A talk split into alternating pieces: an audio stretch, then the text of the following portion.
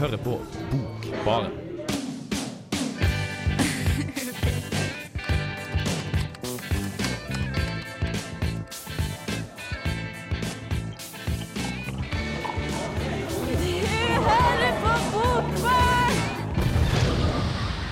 Det stemmer, kjære lytter. Du hører på Bokbarn. Vetle Henriksen heter jeg, og sammen med meg i studio så har jeg Kristoffer Ervik. Men vi har også en eh, gjest, Rasmus eh, Andersen. Hei, eh, Rasmus Andersen er navnet mitt. Eh, spennende å være gjest, spesielt for et eh, program som er så eminent som eh, Bokbarn. Skal pa eh, passe på å ikke gjøre skam.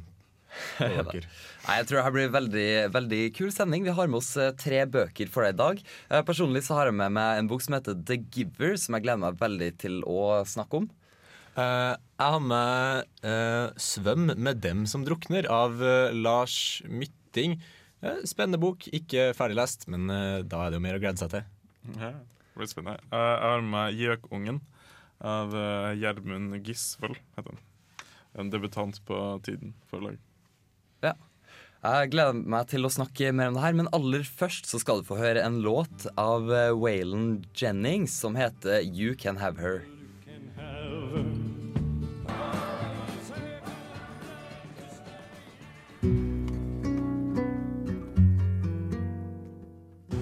Sex with you is really a Kafkaesque experience. Thank you. Bokbarn. Bokbarn. Velkommen tilbake til Bokbaren, Bokbarn, kjære lytter. Eh, aller først på agendaen i dag så skal Kristoffer Ervik snakke litt eh, om en bok som heter Gjøkungen. Ja. Gjøkungen. Eh, det er en veldig sånn kort og enkel roman av en trønder. Debutant, men er født i 1978. Eh, jeg tror hun har gått på forfatterskole i Tromsø, med ei som har vært med i Bokbarn før. Oi. Så det, det er veldig aktuelt.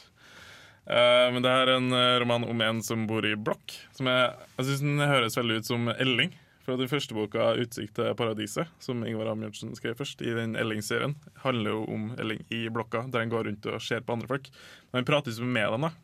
Men Anton, som er liksom hovedkarakteren i eh, Gjøkungen, han går rundt og har han har en del som venner, men du liksom Han er ikke så veldig grei, da. Det er liksom forskjellen fra de, de enkle karakterene som Forrest Gump og Mattis og liksom Elling, som det er i de andre bøkene. Spennende, men hvordan, hvordan hørte du om boka? her? Sånn, Jeg har i hvert fall ikke hørt om den eh, tidligere. Jeg, jeg tror jeg sjekka det ut på, på Tiden forlaget, nettsidene. Der, det, gir- det har liksom informasjon om de nye bøkene. Så det var egentlig det. Og så har jeg liksom, jeg hørt om uh, Ingvild Skade, som har eh, Drammens rekordbok. eh, som er en sånn slags sånn enkel humorbok. Jeg er egentlig veldig glad i enkle humorbøker. Jeg syns det er fint at det er eh, mer eh, mer sånt som er aktuelt nå, da, istedenfor sånn eh, at det er hardt og melankolsk. Syns jeg er egentlig veldig fint. Men eh, den var ikke så veldig morsom. Jeg tror, jeg, jeg tror at jeg ikke treffer humoren min helt. Så den er veldig brutal. De sier at den skal, jeg kan lese baksida av hvordan han liksom prøver å selge den. står det i en navistisk og tilbakeholden stil, rik på humor og skarpe observasjoner, så tegner Gjermund Gisvold et portrett av et mikrosamfunn i oppløsning. Jeg føler den liksom med film og TV-serier så skal alltid være en sånn lykkelig slutt. Alt skal være sånn, det kan være litt sånn brutalt og skummelt, men det skal være litt sånn det skal gå fint til slutt. Men det her trenger ikke å gjøre med bøker. Ja, det, jeg føler de har prøvd å gjøre her. Liksom prøvd å skape en sånn at det skal være fint på overflaten. Men så er det egentlig er skikkelig brutalt og jævlig. Kult da, men Syns du at boka er veldig preg av at, at det på en måte ikke er en sånn veldig etablert eh, forfatter, og at det er en debutantbok eh, og sånn, eller, eller føler du at han, er, han skriver godt og Jeg syns det var egentlig Det er noen detaljer, men jeg synes det er egentlig veldig fint. Det er mye sånn fin flyt og masse fine detaljer som er veldig uvanlig, føler jeg. Sånn, jeg tenkte det skulle være så NLO, Lo, men så var det veldig mange sånne detaljer. Jeg har med et sånt utdrag i saken min der han eh, ikke Han har lyst til å leke med venner, men så har ikke vennene lyst til å leke med han. Så han gnir eh, knærne sine på gresset, sånn at han får sånn, eh, sånn merke av det. Ja. Og så går han hjem til mora og viser det, og så da tror mora at han har hengt med vennene. Så det er, veldig, det er egentlig veldig bra gjennomført uh, bok.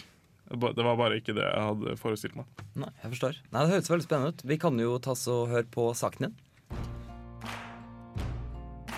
Anton Dahlgaard er noen og 30 år gammel. Han bor i blokk, samme leilighet som han bodde med faren og mora og broren sin, før mora og broren flytta da foreldrene skilte seg. Anton framstår som en enkel figur som hjelper kompisen, forfatteren Edvard, som sitter i rullestol, innkjøp av brød og hvitvin. Han virker som en karakter som er brukt i litteraturen før, som Mattis fra Fyglane, eller kanskje mest som Ingvar Ambjørnsens karakter i Elling. Men det Anton Dahlgaard skiller seg ut fra dem, er at han har en mørk fortid, som jo lenger man kommer ut i gjøkungen, stiger opp til overflaten. Stueveggen lukter sur, parfymert svette, tapeten har mørke fingerflekker.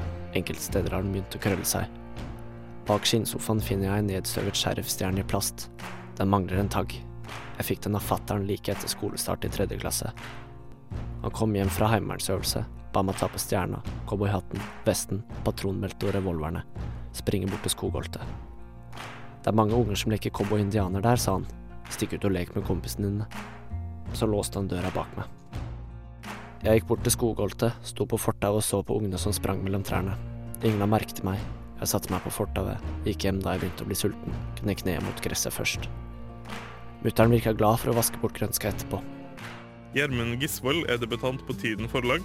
Han har skrevet en roman som forlaget prøver å selge som naivistisk og tilbakeholden, rik på humor og skarpe observasjoner. Men det er ikke naivistisk. Anton blir betrakta som en enkel karakter, men han har et klart overblikk over det som foregår rundt seg, selv om det noen ganger er åpenbart feil. Men det går ikke på observasjonene hans, men på Anton som karakter. Og jeg vet ikke om det er noe feil med måten boka er skrevet, eller om det er noe som skal bevise at Anton er en mer kompleks karakter enn som han først blir framstilt. Og det er ikke en spesielt morsom bok, kan være at den ikke treffer humoren min, men alt i alt så er det en veldig god flyt. Det er en enkel fortelling som likevel gir stor plass til detaljer. Og Gjermund Gisvold klarer å veksle mellom nåtida og minnene til Anton på en veldig naturlig måte. Veronica spurte om jeg ville se fitta hennes en gang. Vi klatret i trærne i skogholtet ved blokkene. Hun sa hun kunne ta av seg trusa. Det var ingen som kom til å oppdage oss. Jeg spurte henne hvorfor. Det hadde hun ikke noe svar på. Hun viste meg armhulen i stedet. Gjøkungen er som Forest Gump. Hvis den hadde blitt skrevet av Stephen King og Forest hadde bodd i en blokk. Romanen ga meg en dårlig følelse, ikke fordi det er en dårlig bok, bare fordi jeg leste noe som jeg trodde jeg ikke skulle lese. Den har en klar utvikling på flere dimensjoner, fra sommer til vinter, fra harmoni til kaos. Og Det er en styrke av boka jeg ser i ettertid, men som jeg ikke la merke til mens jeg leste den. Anton er en kompleks person, og Gjermund Gisvold ville skape en karakter som selv om han vil godt av og til, så har han en liten jævel på skuldra som sier at han ikke skal gjøre noe godt. Og det har han jaggu meg klart også. Gratulerer.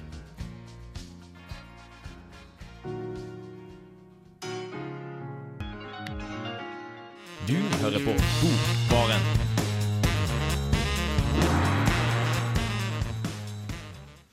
Der fikk du en låt av eh, Stromae, men før det så hørte du Kristoffer Ervik snakke litt om eh, Gjøkungen. Nå over til eh, en helt ny bok som Rasmus, du har jo tatt med deg en bok som heter 'Svøm med dem', som Drukner. eh, drukner. Drukner. Eh, helt ny bok er det jo egentlig ikke. Eh, jeg husker ikke når den kom, men det begynner å bli en stund siden. Jeg fant den på, på stuebordet i åpenbart stua vår hjem, eh, og tenkte eh, jeg må lese litt bøker. eh, Øke min kulturelle kapital. Eh, og så spurte jeg min mor Hei, mamma, kan jeg få låne den boka her. Og vi sa ja, det er en kjempefin bok, den må du lese, Rasmus. Det er. Ja, um, Ja, så den- sjømann. Er mora di sjømann? Eh, man skulle kanskje tro det. Eh, kommer fra tømmerdriftsbygdbyen Namsos. Eh, og da er det jo mye sjømenn, eh, så det kan være påvirkning derfra. Eh, Lars Mytting, da, eh, kan jo bare trekke opp det med tømmer, da. Namsos tømmerby. Eh, og Lars Mytting, eh, han er jo først og fremst kjent for å ha skrevet en bok om eh, ved, eh, visstnok. Eh, Det var stor ståhei da han skrev en vedbok, og folk gikk bananas på bokhandlene og uh, leste om forskjellige tresorter og hvordan de brenner og hvordan man eh, lager bål. Eh, men nå har han da skrevet en bok eh, som er mer en roman. Som er en roman. Eh, ja. Det handler jo om Edvard, ikke det? Ja, den, den, handler, den handler om Edvard, eh, eller Edouard, fordi han er visstnok oppkalt etter sin franske farfar. Eh, når man finner ut senere i boka, fordi denne boka handler alt om å oppdage eh, seg sjøl, sin egen historie. og sin familie og sine bånd til både fortid og eventuell fremtid. Eh, Edvard han har vokst opp på Hirifjell i Norge med sin eh, bestefar eh, Sverre. som er tidligere sånn tysker tøs, skulle til å si. Han kjempa for Tyskland i hvert fall, under krigen.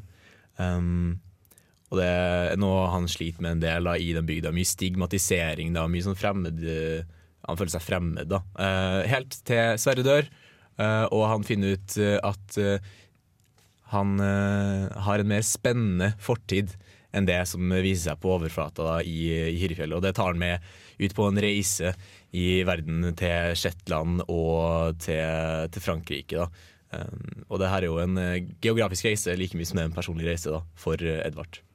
Ja. Men jeg, jeg vet ikke om du har hørt om den hundreåringen som eh, gikk ut av Ja, vinduet? ja, den er og- litt sykt Ja, jeg har, eh, jeg har hørt, hørt om den. Den er jo filmatisert også. Ja. Ja.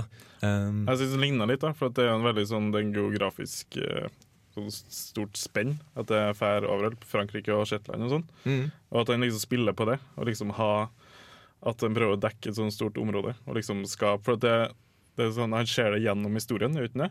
Det er fra 1920, da foreldrene bodde i Frankrike eller noe sånt. Eh, ja, eh, ja, ja, det òg. Men han drar litt fysisk, ja. Eller, ja. Hvis jeg skjønner hva du mener. Riktig. Ja. Ja. Eh, men det, det, er jo som, det er jo på en måte som du sier, da, at han eh, oppdager stedene med historien som er tilknytta til dem. Eh, der han eh, leser brev som har opprinnelse fra enkelte steder. Mye sånn flashbacks i brevene. Det litt sånn rar struktur på det tidvis. Men man legger merke til at Edvard i Norge eh, på Hirefjell, og Edvard på Shetland og Edvard i eh, Ardenskogen eh, er jo tre forskjellige Edvarder etter hvert. Um, så man kan knytte opp slik, da. Eh, angående med hundreåringen som forsvant, uh, klatre ut av vinduet etc. Jeg leste aldri, jeg syns den så så tacky ut. Det er litt komedie. Nei, vi skal ta snakk litt mer om uh, Svøm med dem som drukner, og hva du syns om den, og om den kanskje passer for deg som hører på akkurat nå. Men først så skal vi høre en låt av eh, Bjørk, som er en av mine favorittartister. Her får du 'Quicksand'.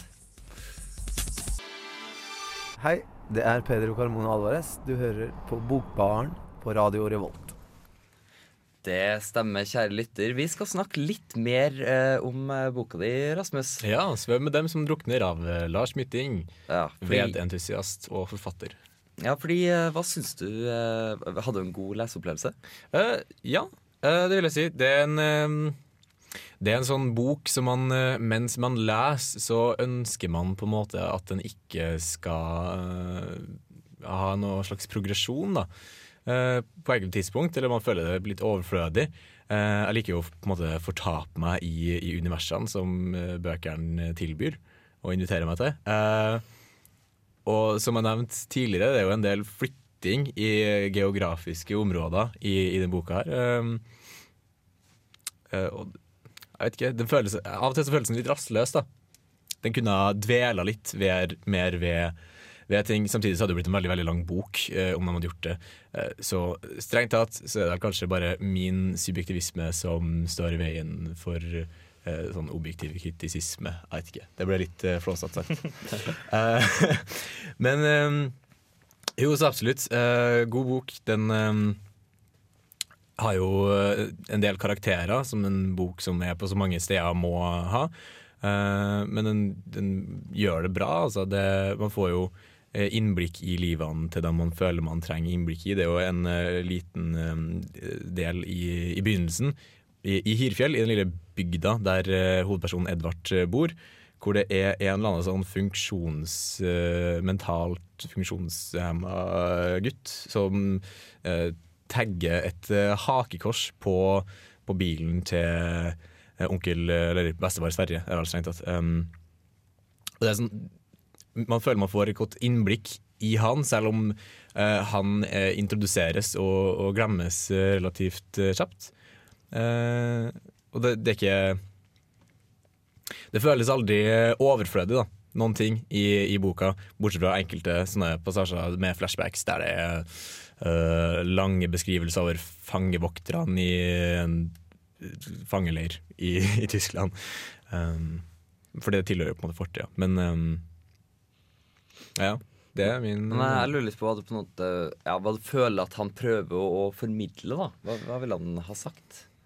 Uh, Lars Myting prøver å si um, det, det, handler veldig mye om um, altså, en persons søken etter seg sjøl, og både det, samtidig som det er den driften man har, da, og, og liksom selve søknaden, så er det hvorfor man har den, da, om det er nødvendig. Det er jo mange ganger Edvard eh, snur seg på en måte mentalt og tenker er det, er det her noe jeg vil fortsette med? Vil jeg finne ut eh, hvem jeg er? Er det ikke egentlig bedre å, å bare være lille Edvard på gårdsbruket i Hirefjell? Um, så sånn sett så er det jo noe man kan dra litt individuell eh, erfaring av da, ved å lese. Um, nå har jo ikke jeg en like spennende fortid som Edvard, da, tilsynelatende. Eh, kanskje det er en sjørøver eh, i slekta mi eh, fra Namsos som jeg ikke vet av. Eh, eh, og den boka her, den eh, vil jo på en måte jeg vet ikke, forberede meg da på den tanken. Hva om jeg plutselig finner ut at det skjer noen ting? Vil jeg da etter Altså gå etter det, prøve å finne ut hvem jeg egentlig er, og har det egentlig noe å si? Jeg er jeg fremdeles Rasmus Andersen? Til tross for at min grandonkel pirat Sortebil het Gundersen til etternavn.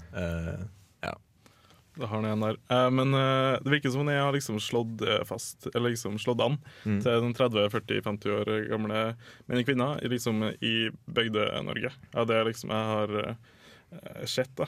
Tror jeg at det har litt med den bygde, bygdesamfunnet At det er, ligger mye sånn skam i slekta. Selv om det liksom ligger litt utafor. Trenger ikke være veldig mye. da. Det, liksom, det kan være at du er kunstner, eller at du hadde sex med ei ku. Det er bare at det er noe som er litt sånn forskjellig, at folk prøver liksom å gjemme det. Og så kjenner de seg sjøl igjen i Edvard, den karakteren. Uh, altså, uh, det vil jo jeg egentlig ikke vite noen ting om, uh, fordi jeg ikke har noe skam. Men hvis jeg skal tenke meg til det, da altså det Ja, han er på en måte en sånn veldig fin sånn blank slate, som man kaller det. når man kan fylle inn sin egen personlighet på, da, og, og da se seg sjøl i. Til og med jeg finner jo snev og fnugg av meg sjøl, men det er jo mer eh, i måten han tenker på og, og reagerer på, på ting i livet sitt. Eh, men um, Bygdeskam er et fenomen jeg har veldig lite erfaring med, dessverre. Uh, ja. Jeg synes, jeg bare det Men nå skal det sies at eh, min mor hun er jo uh, det du omtalte som 30-40-50 Bygde-Norge. Mm. Eh, og hun likte den veldig godt. Det var hun som sa Ja, den må du lese, Rasmussen. Uh, så du har jo sikkert et veldig godt poeng. Ja, men det, det virker veldig kult. Og det er artig at den, eh, den ble veldig stor su suksess med Helve, som du sa i sted. Så klarer han også å skrive noe helt annerledes og likevel få masse lesere likevel. Det er jo nesten bare applaudere han Lars Smitting. Men alt, jeg har jobba en god stund. Men alt i alt syns du at det her var en bok som kunne ha passa for uh, en typisk uh, middelklasse norsk eh, student. Uh. Middelklasse norsk student, definitivt. Det er jo en, en god bok som er skrevet godt og har mange gode poenger og skrevet på en fin måte. Selv om man ikke nødvendigvis kan kjenne seg igjen i bygdeskam, i tysker assosiasjoner i familien tilbake til krigen og lignende, eh, så er det jo en fin reise å være med på både følelsesmessig og geografisk, som har tatt opp så mange ja. Ja. Uh, vi må nesten eh, gå litt videre, og her i Bokbaren så er vi så glad i Bjørk at vi eh, fortsetter der vi slapp, og eh, derfor får du nå Hyper Ballad. Jeg heter Anne B. Ragde og er forfatter. Og når man er forfatter, så hører man selvsagt på Bokbarn så ofte man har anledning. Det høres bra ut, Anne Bragde. Håper du hører på oss akkurat nå. Fordi nå skal vi eh, drive sendinga videre til eh, siste boka. Og den eh, er det jeg som har tatt med. Den heter The Giver. Og eh, nå husker jeg ikke årstallet, men jeg tror det var 93. 93. 93, ja. ja. Så den begynner jo å bli noen, eh, noen år gammel, da, men jeg føler at uh, den er litt sånn tidløs. Fordi det den, eh, den tar opp er en slags alternativ virkelighet. Eh, men det har liksom, de har solgt ti millioner, så det er jo Såpass, ja. Det må jo være noe jeg mener. Hva er det som gjør den uh, tidløs? For jeg føler jo det, det kom en ny film, men det ligner jo på mange av de andre filmene, som The Hunger Games og Maze Runner og sånn. Ja, men det er noe som er liksom Skiller det seg ut? Jeg syns det skiller seg veldig ut, fordi at uh, den er ikke sånn typisk uh, teenage right-greie opplegg. Den er, den er litt mer eh, filosofisk preg over seg, da. Som jeg kanskje savna litt. Jeg snakka om The Maze Runner forrige gang, hvor jeg følte at det ble mye action. Og eh, jeg syns det var rart at de, de ikke stoppa på å sette seg ned og tenke litt mer eh, over situasjonen de var i. Mens The Giver er egentlig en bok som handler veldig mye om den samtalen om hva er greia med verden rundt oss, og eh, er det bedre at ting blir gjort på denne måten, eller er det fint at ignorance bliss? ikke sant? Ja, for det, det er en sånn hovedkarakter som får de problemene, eller som får liksom å bestemme seg. Ja. Om det skal være godt eller dårlig. Jeg kan gi en kjapp innføring eh, i, eh, i plottet. Det er, handler egentlig om eh, en fyr som heter Thomas, som nå har kommet til the age of 12. Som er Da skal han på Ceremony of 12, som er den alderen hvor man får tildelt sitt yrke. For i det her samfunnet eh, som har blitt skapt rundt han, så får alle sammen tildelt sitt yrke. De får tildelt en partner i livet sitt. De får to barn eh, med denne partneren. Ikke fysisk får dem, men man får tildelt to barn. Og eh, lever i et samfunn hvor de går på jobben sin, ikke stiller så mye spørsmål og er veldig politisk korrekt. Uh, nå skal det sies at uh, det her samfunnet er litt spesielt fordi at de kan uh, ikke føle ting. De kan ikke se farger. Og alt som vi eh, har rundt oss som er menneskeskap, ikke alt, selvfølgelig, men sånn ting som musikk og dansing og tradisjoner og, og det å feire jul og alle de her type tingene da, har blitt tatt fra dem, og de vet ikke engang at det eksisterer. Utenom én fyr som sitter med alle minnene til hele menneskeheten. Og han Thames, som er tolv år, han eh, får da som sitt yrke å være den nye bæreren av de her eh, minnene. Og da eh, åpner jo det til diskusjon, da, til, eh, til shit. Det fins en helt annen verden enn jeg har blitt fortalt.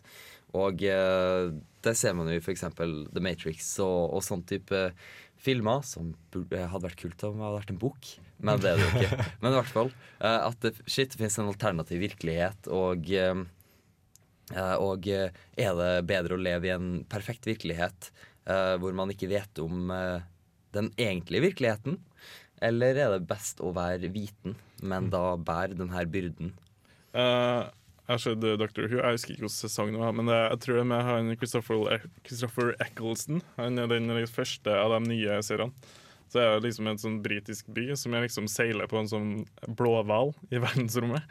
Og så er det, Den blir liksom skada, den blåhvalen, av å ha det, den byen oppå seg. Men så er det bare dronninga som vet at det skjer. Og det er bare hun som har alle minnene. Og alle andre de får liksom minnene sletta. Så det, de kan jo at de har stjålet uh, plottet fra The Giver. Mm. det, det har vært veldig mye lignende bøker, da, som jeg sa i sted. Hunger Games og Maze Runner. Tror jeg de har liksom blitt påvirka av den. Jeg trodde de bare ble påvirka av 1984 og Brain New World. Ja, dem, eh, The Giver har jo kanskje ikke fått så mye oppmerksomhet som noen av de to bøkene, men den, den kan godt hende at den har hatt litt innfly- innflytelse. Eh, Det finnes jo mange, mange som på en måte har, eh, har litt samme, samme plottet, da. Men jeg uh, syns det her er en unik, uh, et unikt scenario som ingen har gjort før. Og uh, det, det har jo fått mye oppmerksomhet, men jeg syns det fortjener enda mer, kanskje, da. Eh, og det har jo fått mye oppmerksomhet med den filmatiseringa som kom eh, ganske nylig. Når kom den? Jeg har ikke fått med meg det i det hele tatt. Jeg. 2014. 14, ja. Mm. Ja. Syns jeg så på IMDb. Var den bra? Hæ? Var filmen bra? Ah, nei, den, den, den var veldig amerikanisert, egentlig. Ja. Eh, og det, det handla ingenting om den samtalen mellom det gamle og det nye, som sitter og diskuterer den virkelige verden kontra det her skapte, perfekte samfunnet, og hva som er best, og, og alt sånne ting. Og det er den samtalen de har, som gjør hele boka så sykt interessant. Ikke alt det tullet som skjer rundt for å bare drive handlinga fram. Ja, men fett. Uh, vi kan jo alltids eh, høre på eh, saken jeg har laga. Så ja, her får du den.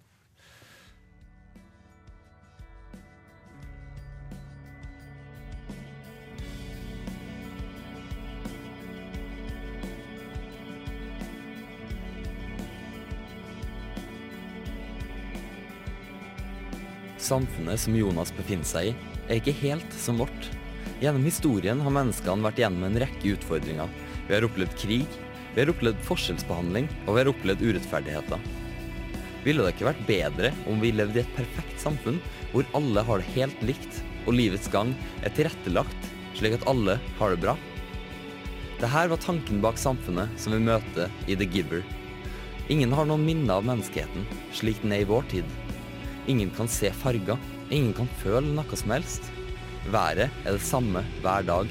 Og livet ditt, hvem du skal bo med, hvilke barn du får, hvilken jobb som passer deg. Alle valgene som ellers er opp til deg, blir overlatt til dem som står med makta. Og når du ikke føler smerte, kjærlighet, nei, ingenting, så føler du heller ikke trangen til å ta noen valg. Og så stiller du heller ikke spørsmål til systemet. Det er jo slik det alltid har vært. Ikke sant?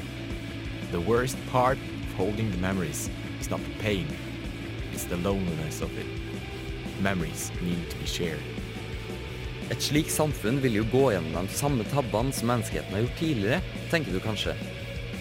Nei, for det sitter nemlig én mann med alle minnene. Muligheten til å se farger, føle kjærlighet, hat, fortvilelse. En mann som sitter med evnen til å se tilbake og videre.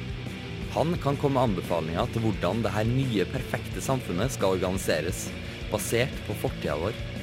Naturligvis er dette en utrolig tung byrde å bære alene, å måtte se alle rundt seg gå rundt uviten. Men kanskje fører uvitenheten til lykke? Det føler i hvert fall ikke til smerte, og i så fall er nøytralitet bedre. They were satisfied with their lives, which had none of the vibrance his own was taking on. And he was angry at himself that he could not change that for them. Jonas har nå blitt voksen nok til å bli tildelt sitt yrke. Til alles overraskelse blir han utnevnt til å bli den nye holderen av minner. Fra nå av kommer Jonas til å tilbringe tid med den gamle, vise mannen som tidligere har sittet med alle minnene alene. Jonas får minner av snø, han får minner av dyr, musikk, dans. Han holder en bok i hendene for første gang. Han ser farger, og han begynner å føle ting. Etter hvert blir han tildelt minner av sult, smerte, krig og elendighet. Han får kjent på kjærlighet. Med all denne kunnskapen blir det vanskelig for han å forholde seg til alle rundt han.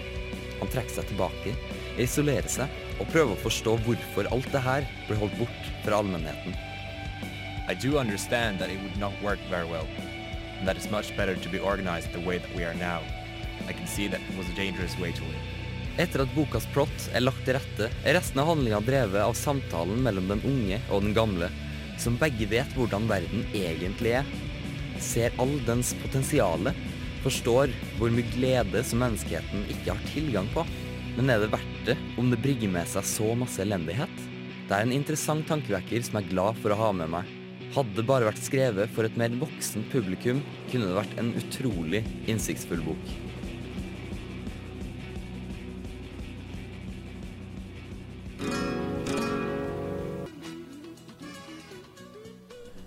Ja, jeg heter Dag Solstad, og dere hører nå på Bokbaren, og der er altså jeg. Ja, Der fikk du eh, 'California Dreamin' av Bobby Womack. Vi skal snakke litt mer eh, om eh, The Giver før vi avslutter dagens sending. Ja, det er en ganske kjent Eller jeg, har ikke hørt om den så veldig mye før. Men den ble gitt ut i 1993. Ja. Hva, hva tror du hun ville liksom kritisere? Eller eh, liksom skrive om? da For det er jo sikkert et samfunn som hun mener burde Ja. ha blitt skrevet om. Ja, jeg vet ikke. Kanskje hun så en slags uh, samfunnsutvikling. uh, hvor uh, mennesker går rundt At alt blir veldig eh, at, i, satt inn i et system, da. Som, som at, eh, at tidligere, hvor ting ikke var så menneskeskapt og eh, ja, jeg vet ikke, Som et resultat av den industrielle revolusjonen og sånn, så har, har vi fått et system på alt. Og eh, ja, kanskje var redd for konsekvensene av, av det. Men uh, jeg, bare lurer. Um, fordi da jeg leste Brave New World, så uh, ble jeg fylt med sånn, en slags følelse av at uh, jeg synes det var utrolig teit av protagonisten å måtte ødelegge fordi det, for den gode strukturen som de hadde i samfunnet. For det funka jo. Det funka skikkelig bra. Folk fikk Ja. eh, på en måte dopet sitt, og alt var fredelig. Det var ikke noe krig, sånn som det i 1984, for eksempel, som er ja, åpenbart skittig samfunn å leve i. Men Brave New World da, virker jo egentlig ganske kult eh, å, å leve i, for alle er så sykt fornøyd. Og det virker som det er litt det samme poenget, eh, eller samfunnet, i, i din bok. Men eh, altså, hva er på en måte konklusjonen, da? Er det bra? Er det dumt? Eller er det ingen sånn Er det bare leseren skal finne ut av det sjøl? Ja, uh, hun konkluderer vel egentlig mm, med at uh, det beste er at alle sammen vet alt. Og uh, at vi selv er ansvarlig for å gjøre det beste ut av det. Og at vi må bare skjerpe oss og, og takle alt det, det fæle som skjer rundt oss. Og sammen jobbe for en bedre framtid. Eh, ja, jeg føler, føler at hun har litt sånn Hun prøver å være objektiv, men selvfølgelig så klarer man aldri å være 100 objektiv eh, som en forfatter av eh, en bok.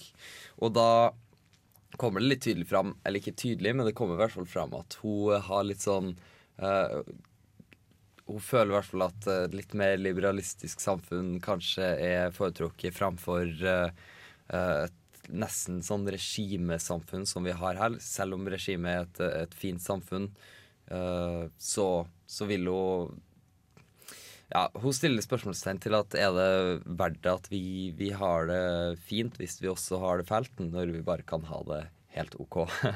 så jeg vet ikke. Ja, er du Eh, enig, da? eller? Jeg er veldig enig med, med konklusjonen hennes om at uh, vi må uh, kun få velge selv. Eh, og at vi skal ha muligheten til å oppleve helt fantastiske ting. Eh, og hvis at vi passer på å være ansvarlig med det vi gjør, og tenke over ting, og ja, så eh, kan det være mye bedre enn at alt bare er helt OK. Det er jo sånne romaner som ofte folk i 17-årsalderen 17-årsalderen er opp og ned leser, og så sier de ah, 'fuck eh, staten', de kontrollerer meg. Men det er ikke ofte sånn at uh, staten vil jo Min eh, oppfatning er at de vil ofte godt. Og så er det for eksempel Breivik, da. At de kunne ha funnet ut at han har gått rundt og uh, ja, konspirert på nettet. Mm. Kunne de liksom hatt kontroll over han.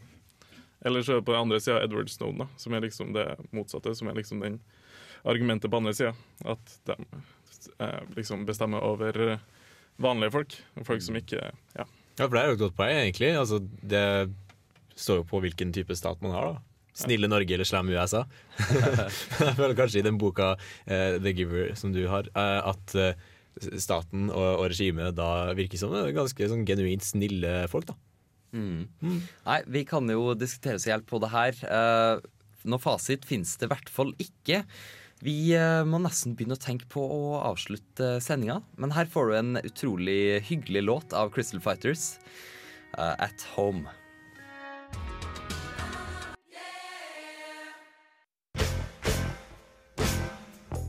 Jepp, dette er Frode Grøtten. Eh, lytt på Bokbaren på Radio Revolt. Ta deg en god Jeg håper du har kosa deg under eh, dagens eh, sending av Bokbarn.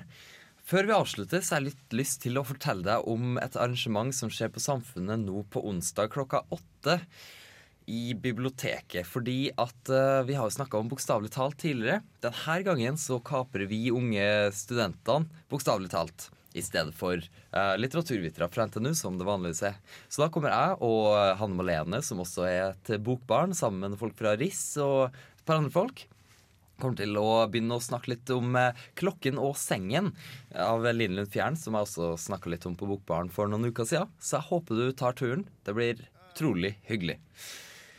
Men eh, hva er det egentlig vi har pratet om i dag? Jeg prata om 'Gjøkungen' av Gjermund Gisvold. Bra bok.